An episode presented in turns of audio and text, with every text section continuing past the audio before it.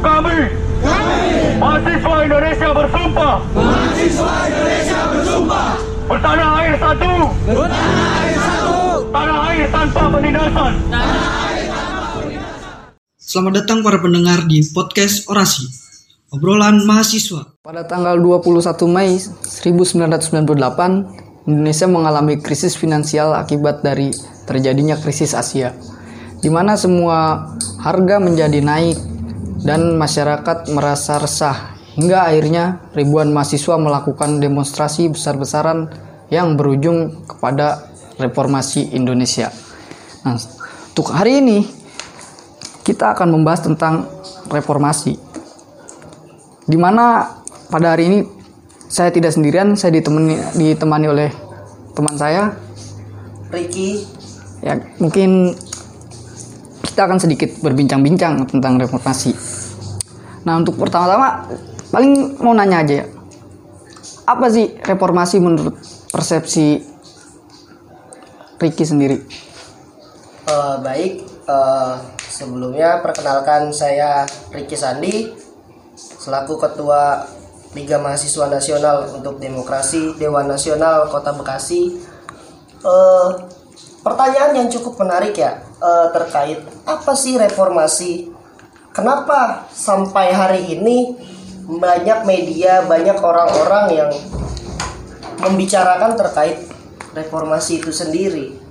Namun sebenarnya apa? Nah, ini cukup menarik bahwa hari ini ya, tepatnya pada tanggal 21 Mei Ya, eh, 2020 di mana sudah 22 tahun reformasi berjalan dan pertanyaannya apa itu reformasi? Reformasi adalah sebuah kejadian atau peristiwa di mana pada saat itu gejolak sosial berbondong-bondong di setiap kota di Indonesia itu melakukan aksi unjuk rasa untuk menurunkan Presiden Soeharto karena dianggap gagal memimpin negara yang bersifat diktator dan otoriter. Inilah yang menyebabkan terjadinya kejadian reformasi itu sendiri dan bisa didefinisikan menurut beberapa sumber bahwa reformasi ini adalah perubahan sistem politik di satu negara. ya tapi sebenarnya begini ya. Untuk kita mungkin ini sebagai eh, kita selalu bertanya-tanya sih sebenarnya kejadian apa pada fase itu hingga akhirnya mahasiswa ini melakukan demonstrasi dan berujung kepada reformasi untuk Indonesia sendiri.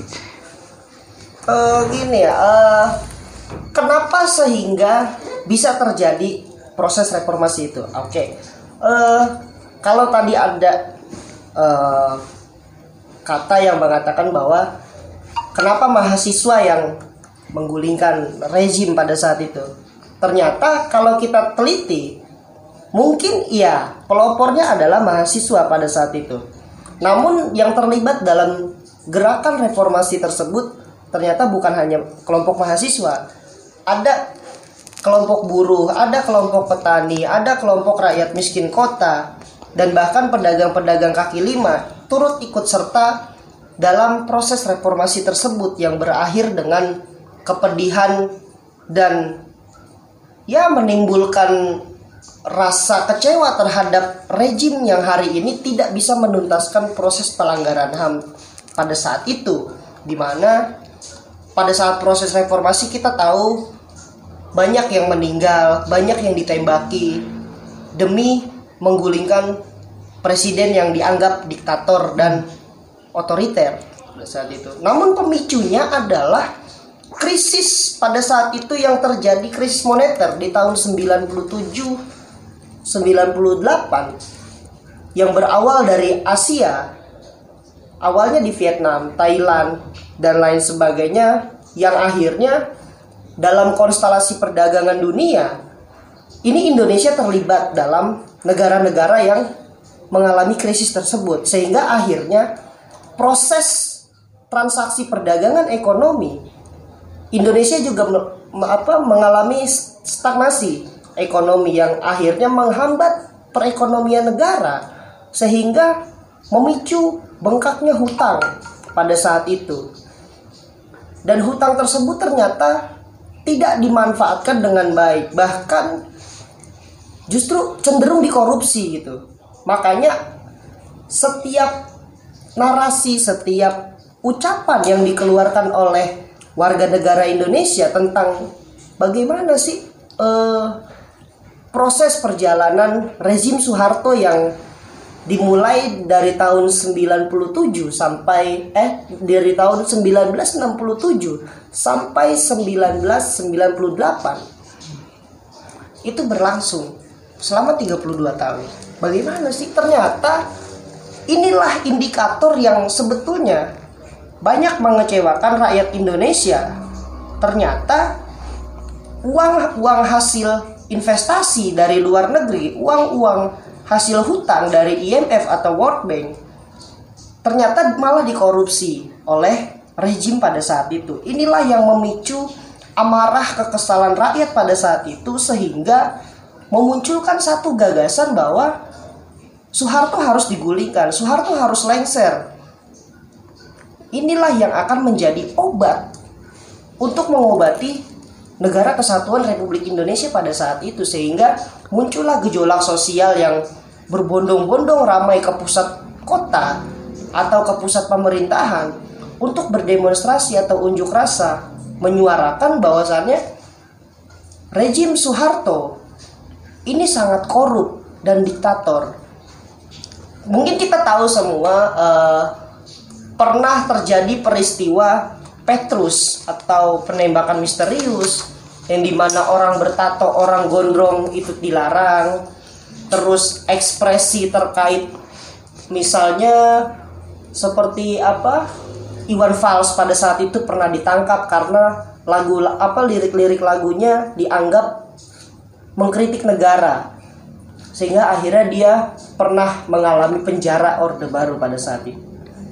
Bukan hanya lagu bukan hanya lirik lagu tetapi diskusi-diskusi di ruang publik ya kan? Ter, e, contohnya kampus lah yang dianggap sebagai sangkar ilmu pengetahuan ternyata dibungkam juga pada saat itu melalui kebijakan NKK BKK atau normalisasi kehidupan kampus atau badan koordinasi kampus melalui ya. kebijakan itu akhirnya aktivitas politik mahasiswa ternyata semakin sempit ruangnya untuk melakukan diskusi, untuk membicarakan terkait masalah negara. Ini dibungkam sehingga akhirnya memicu perlawanan-perlawanan yang dianggap bahwa rejim Soeharto pada saat itu sangat tidak demokratis dan melarang rakyatnya untuk membicarakan tentang politik. Ya, kalau berbicara tentang rejim Soeharto ini ternyata kan pada fase rejim Soeharto, Indonesia ini kan bakal digadang-gadang menjadi macan Asia, di mana pada waktu itu Indonesia mencatatkan tinta dalam sejarah sebagai pengekspor beras terbesar dan pertumbuhan ekonomi diramalkan sangat tinggi.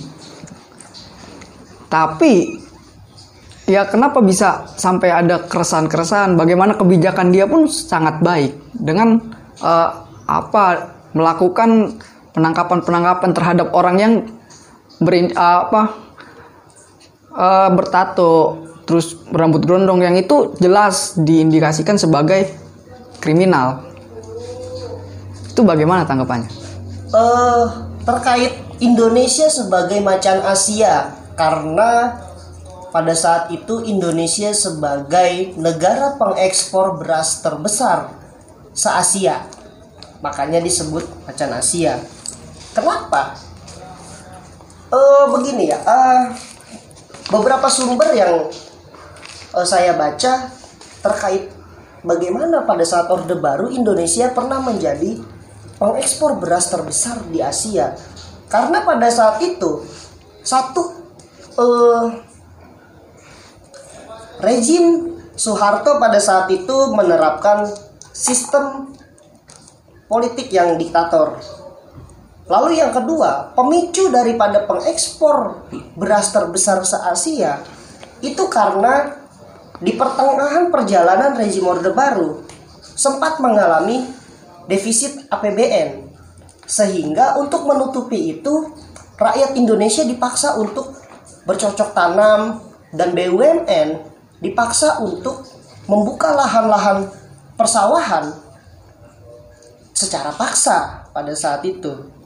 Yang akhirnya kenapa sehingga indikator pertumbuhan ekonomi ternyata tidak sesuai yang diharapkan rakyat Indonesia secara umum. Karena memang itu tadi secara birokrasi sudah menjadi rahasia umum bahwasannya rejim Soeharto adalah rejim yang diktator dan korup sedunia. Nah inilah yang eh, mengapa sehingga orang-orang yang tadi misalnya bertanya bagaimana tanggapannya terkait orang bertato atau orang yang gondrong pada saat itu diterapkan bahwasannya orang-orang yang bertato, orang-orang yang gondrong itu dianggap sebagai kriminal. Mengapa? Karena itulah tadi akibat daripada kebijakan-kebijakan yang dianggap diktator setelah diterapkan. Ini membuat paradigma rejim menjadi takut akan datangnya kudeta atau e, penggulingan. Akhirnya benar pada tahun 98 dengan ketakutan-ketakutan yang dimiliki ternyata terjadi penggulingan rejim Soeharto di tahun 98 dengan kesadaran rakyat bukan kesadaran partai politik mana pun. Nah, akhirnya inilah yang menjadikan proses reformasi itu terjadi walaupun pro, pada dalam uh, proses sejarahnya ini banyak sekali peristiwa peristiwa-peristiwa berdarah gitu kan seperti tragedi Semanggi, tragedi Trisakti dan masih banyak lainnya bahkan kasus Tanjung Priuk yang pada saat itu untuk apa ingin dibangun pelabuhan di demo besar-besaran oleh rakyat Tanjung Priuk itu belum tuntas sampai hari ini. Belum lagi kasus Marsina di mana uh, aktivis perempuan yang mengaku sebagai kelompok buruh itu juga diperkosa dan ditembak mati. Dibunuh lah. Itu pun belum tuntas. Artinya apa? Dari penembakan misterius pembunuhan misterius orang gondrong orang bertato dianggap kriminal ini adalah ekspresi ketakutan rejim pada saat itu. Sehingga dari ketakutan-ketakutan tersebut akhirnya kebijakan yang diterapkan pun seperti barbar gitu seperti apa namanya asal-asalan. Yang penting kekuasaan gua aman. Gitu. Tapi sebenarnya ya buat ini kan udah ter, uh, terjadi demonstrasi besar-besaran oleh mahasiswa dan juga rakyat sebenarnya tujuan dari reformasi ini apa sih uh, tujuan dari reformasi ini sebetulnya yang paling utama adalah demokratisasi di mana mahasiswa atau kelompok rakyat lainnya ingin berdiskusi, berkumpul secara damai dengan bebas dan diatur oleh konstitusi. Makanya muncullah undang Undang-Undang tahun 1999 tentang hak berkumpul, berekspresi dan mengungkapkan pendapat di muka umum. Muncullah undang-undang tersebut bahwa undang-undang tersebut ternyata sebetulnya adalah mengakhiri sekaligus mengawali zaman reformasi atau proses transisi zaman dari Orde Baru ke reformasi. Nah, tujuan yang kedua adalah menghapus uh, koruptor-koruptor yang ada di pemerintahan. Makanya setelah reformasi pada tahun 2004 muncullah lembaga penanganan korupsi yaitu KPK, ya, KPK. Komisi Pemberantasan Korupsi. Hmm. Itu kan setelah reformasi berjalan gitu. Ya. Nah, itu salah satu apa beberapa tujuan yang ingin dicapai, yang ingin diharapkan oleh rakyat Indonesia pada saat itu. Ya, mungkin itu sedikit gambaran dari fase Orde Baru ya.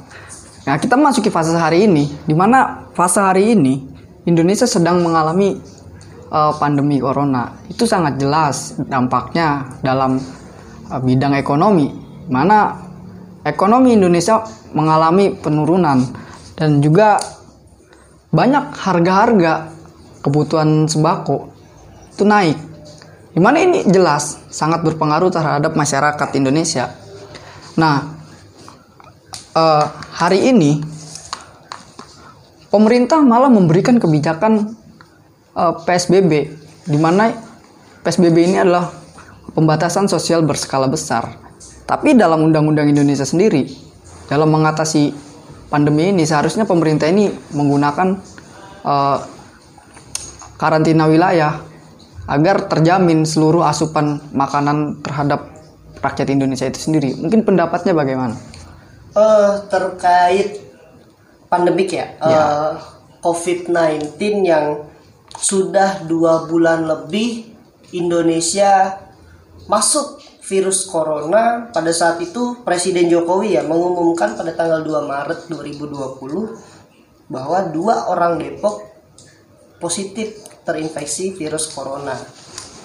Eh terkait tadi eh, kebijakan karantina wilayah sesuai dengan Undang-Undang Kesehatan tahun 2018 Ya. eh, sebetulnya memang itu yang harus dilakukan secara kesehatan. Namun ternyata eh, paradigma pemerintahan kita selalu tertuju kepada ekonomi. Yang tadinya ada PSBB ya atau eh, pembatasan sosial berskala besar ya, bukan Ya. bukan peraturan selalu berubah-berubah gitu. Benar. Nah, eh, PSBB atau pembatasan sosial, physical distancing, social distancing, sejatinya kan itu. Namun ternyata tidak berjalan efektif juga. Terbukti dengan keramaian di mall, keramaian di bandara, dan tempat-tempat lainnya lah yang secara umum itu bisa diakses oleh rakyat secara umum. Nah, sebelumnya memang ada kebijakan pemberhentian sementara eh, transportasi umum atau eh, transportasi publik lah. Ya, ya. Nah, itu memang sebelumnya diberlakukan. Namun pada pertengahan puasa kemarin, pemerintah ini seperti labil menjalankan kebijakan itu. Baru beberapa minggu, eh, pemerintah mencabut status pemberhentian sementara transportasi publik. Nah ini kan menjadi apa ya? Ya ketika itu diberlakukan atau pencabutan pembatasan sosial atau eh, apa pemberhentian sementara transportasi publik dicabut, maka konsekuensi logisnya adalah kerumunan massa untuk Ya. mengantri tiket lah, untuk belanja ini itulah atau apalah. Intinya kan itu konsekuensi logis atas kebijakan pemerintah. Nah ini kan sebetulnya yang menjadi sangat labil. Dan harapan reformasi sebetulnya bukan itu. Yang diharapkan reformasi itu adalah bahwa reformasi ini harus lebih baik dari Orde Baru. Mengapa harus lebih baik? Karena proses reformasi itu sudah mengorbankan banyak nyawa pada saat itu. Baik itu mahasiswa, baik itu kelompok rakyat lainnya sudah banyak mengorbankan dan satu-satunya lembaga yang bisa dicapai adalah Komisi Pemberantasan Korupsi saat itu kan. Iya, benar-benar. Dan itulah salah satu-satunya yang tercapai walaupun memang secara demokratisasi kita masih boleh mengungkapkan pendapat di muka umum dengan aturan-aturan yang berlaku di Indonesia kan pasca reformasi. Ya kalau gini ya kalau kita ngelihat kondisi sejarah kan eh, bermulanya reformasi ini karena ada kebijakan-kebijakan pemerintah yang sedikit nyeleneh gitu, pada wak- waktu itu hingga menyebab apa menyebabkan resahnya masyarakat. Tapi hari ini pun ada sedikit kebijakan yang menurutku cukup nyeleneh juga. Di mana pada fase pandemi ini pemerintah malah menaikkan iuran BPJS dan juga mengesahkan RUU Minerba, RUU KPK. Ini bagaimana pendapatnya? Iya, artinya terkait pengesahan RUU Minerba atau eh, apa kenaikan iuran BPJS, ya itu sebetulnya secara secara apa ya, secara birokrasi atau pemerintahan itu konsekuensi akibat daripada eh, anjloknya pertumbuhan ekonomi nasional yang pada bulan lalu Sri Mulyani mengatakan bahwa pertumbuhan ekonomi Indonesia di akhir 2020 itu bisa mencapai minus 0,4 persen akibat pandemi. Nah, kenaikan iuran BPJS ini salah satu akibat daripada pertumbuhan ekonomi yang anjlok. Tentunya itu kan. Makanya kenapa eh, kemarin pemerintahan resmi mencabut pembat apa namanya eh, pemberhentian sementara transportasi publik. Karena memang dalihnya pertumbuhan ekonomi nasional. Kan itu.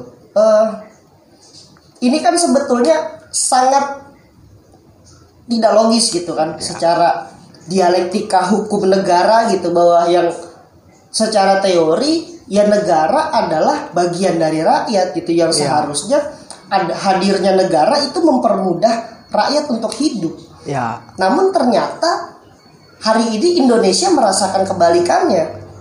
Justru ketika negara di negara dan masyarakatnya dihadapkan oleh virus corona, ternyata pemerintahannya justru mengeluarkan kebijakan yang ternyata menyulitkan rakyat itu. Contohnya BPJS, kenaikan iurannya, bahkan kenaikannya hampir 100% ya. ya benar. Ya kan itu artinya ini yang menjadi apa ya paradigma yang keliru gitu. Seharusnya rakyat ditolong dengan segala kekuatan negara yang ada, bukan malah memeras rakyat dengan iuran yang dinaikkan. Kan itu. Belum lagi berbicara apa namanya hal-hal lainnya seperti korban PHK. Ya kan? Bagaimana negara menghidupi korban PHK? Ternyata belum ada jawaban sampai hari ini kan. Iya. Nah inilah sebetulnya yang tidak diharapkan oleh rakyat pada saat ini. Rakyat hanya ber- berharap bahwa negara bisa menolong hidup rakyat secara umum hari ini di tengah kondisi pandemik yang mematikan gitu kan. Ya tapi kan kalau kita lihat situasi hari ini ya, di mana Indonesia juga mengalami inflasi untuk beberapa eh, barang kebutuhan pokok kan ya. Juga pemerintah menaikkan iuran BPJS. Ternyata ini kan sangat memberatkan untuk masyarakat sendiri. Nah dari sini juga mungkin kita tahu mahasiswa adalah agent of change, agent of control. gitu. Apa yang harus dilakukan mahasiswa di situasi seperti ini? Di mana kemarin kita juga sempat apa sempat melihat trending di Twitter itu mahasiswa ke mana gitu kan? Ini suatu pertanyaan dari Ya, ya. masyarakat itu sendiri. Gitu. Eh gini ya, artinya kalau berbicara slogan terkait mahasiswa adalah agent of change atau agent of control yang pada saat ospek atau penerimaan mahasiswa baru itu selalu ditanamkan oleh para senior bajingan ya, Ya. yang ternyata mereka juga tidak bisa melakukan apa-apa. Artinya hari ini kita harus mengubah mindset kita bahwa kehidupan rakyat yang sebenarnya tidak harus dipelopori oleh mahasiswa. Kehidupan rakyat apa yang seutuhnya, yang sejatinya adalah rakyat itu sendiri yang harus berkuasa di atas segalanya. Karena apa? Berdasarkan prinsip demokrasi. Demokrasi itu artinya apa sih? Dari rakyat, oleh rakyat dan untuk rakyat. Nggak ada kata mahasiswa di sana. Mahasiswa itu hanya sebagai kelompok intelektual yang belajar di kampus dan menyalurkan ilmu pengetahuannya kepada orang yang tidak berkuliah, yang tidak mendapatkan ilmu pengetahuan seperti mahasiswa. Nah, ini kan fungsi mahasiswa. Ya. Dan mahasiswa sebenarnya tidak bisa melakukan apa-apa kalau bukan rakyat itu sendiri yang mengubah nasibnya. Ini yang yang menjadi apa ya? Harus kita rubah, harus ada transisi mindset Ya. bahwa mahasiswa itu sebenarnya bukan apa-apa. Mahasiswa hanya sebagai tenaga pendorong. Mahasiswa hanya sebagai kelompok sosial yang mempunyai ilmu pengetahuan karena dia memiliki kesempatan untuk mengakses pendidikan tinggi. Ya kalau berbicara tentang eh, mahasiswa sendiri ya, berarti kan jelas tujuan reformasi itu adalah untuk menghilangkan NKK BKK, mana itu mengembalikan demokrasi kampus. Tapi pada hari ini realitanya banyak pembungkaman-pembungkaman demokrasi dalam kampus itu sendiri. Contohnya adalah dibekukannya BEM universitas. Dan juga eh, ketika ada mahasiswa kritis itu akan secara sendi, uh, akan secara otomatis itu dibungkam oleh pembunuhan karakter yang dilakukan oleh oknum-oknum tertentu misalkan dosen atau baga atau lembaga-lembaga kampus yang lain lah. Nah ini kan uh, suatu uh, apa namanya ya suatu era di mana sama aja kita kembali lagi ke fase orde baru ini yang mungkin dialektikanya sedikit berbeda nah itu pendapat tentang pembungkaman demokrasi ini gimana sebagai kita tahu hari ini ada juga tiga aktivis kamisan yang sedang memperjuangkan HAM itu dituduh atau dikriminalisasi gitu. Itu pendapatnya bagaimana? Uh, gini ya, uh, terkait persoalan kampus atau persoalan aktivis yang ditangkap de dengan dalih kelompok kamisan itu menyuarakan hak asasi manusia lah dan lain sebagainya lalu di kampus juga ada yang mengatakan bahwa pembungkaman ruang demokrasi seperti pelarangan berorganisasi dan lain sebagainya. Sebetulnya eh, apa ya? Dinamika di dalam kampus juga memang harus dinamis gitu kan. Dalam arti gerakan mahasiswa memang harus dimulai dari dalam kampus dulu untuk menuntaskan proses sejarah yang pada saat itu kita kenal seperti reformasi lah. Ya awalnya dari kampus. Namun ketika dari kampus menyebar ke kampus lain, dari kampus lain menyebar lagi ke kampus-kampus lain di wilayah lain, ini menjadi satu kekuatan bahwa isu bersamanya adalah turunkan Soeharto. Kan itu. Artinya kalau kampus seperti itu membungkam demokratisasi kampus, ya kenapa mahasiswa tidak mencoba metode lain gitu untuk bagaimana menghantam pembungkaman-pembungkaman tersebut dengan zaman yang lebih baru gitu. Ya. Apalagi sekarang dihadapkan dengan kondisi uh, 4.0 ya. 4.0. Nah, di mana pada saat ini transisi kehidupan segera mengalami yang namanya perubahan digitalisasi gitu di mana ya. semua orang beralih kepada digital atau teknologi. Nah, inilah uh, tantangan zaman yang harus dihadapi dan harus dilakukan oleh para kelompok pergerakan bahwa ternyata reformasi zaman dulu di 98 itu hanya bertahan sampai pada sekitar tahun 2010 pada saat itu kan waktu masih heroik-heroiknya untuk ya, menyuarakan ya, ya, ya. aspirasi nah. rakyat. Namun ternyata pada tahun 2000 18 di mana pemerintah menyatakan bahwa Indonesia sudah memasuki zaman 4.0 di mana kehidupan rakyat sekarang mulai beralih kepada teknologi dan bergantung kepada teknologi. Nah, itu artinya kan ini perubahan zaman yang harus dihadapi oleh kelompok pergerakan untuk memulai pergerakan-pergerakan selanjutnya. Pertanyaannya, apakah yang akan dilakukan mahasiswa. Yang akan dilakukan mahasiswa adalah beradaptasi dengan teknologi, menyadarkan menyadarkan rakyat dengan cara-cara digitalisasi, dengan cara-cara teknologi. Ini yang harus uh, dimainkan oleh kelompok-kelompok pergerakan untuk mengorganisir rakyat Indonesia secara keseluruhan. Nah, kalau untuk itu kan uh, saya sudah merangkum ya dari semua yang dikatakan oleh kawan Ricky ini. Ternyata hari ini banyak juga yang uh, terjadi pembungkaman demokrasi di dalam kampus. Di mana pada hari ini juga Indonesia sedang berada di fase pandemi.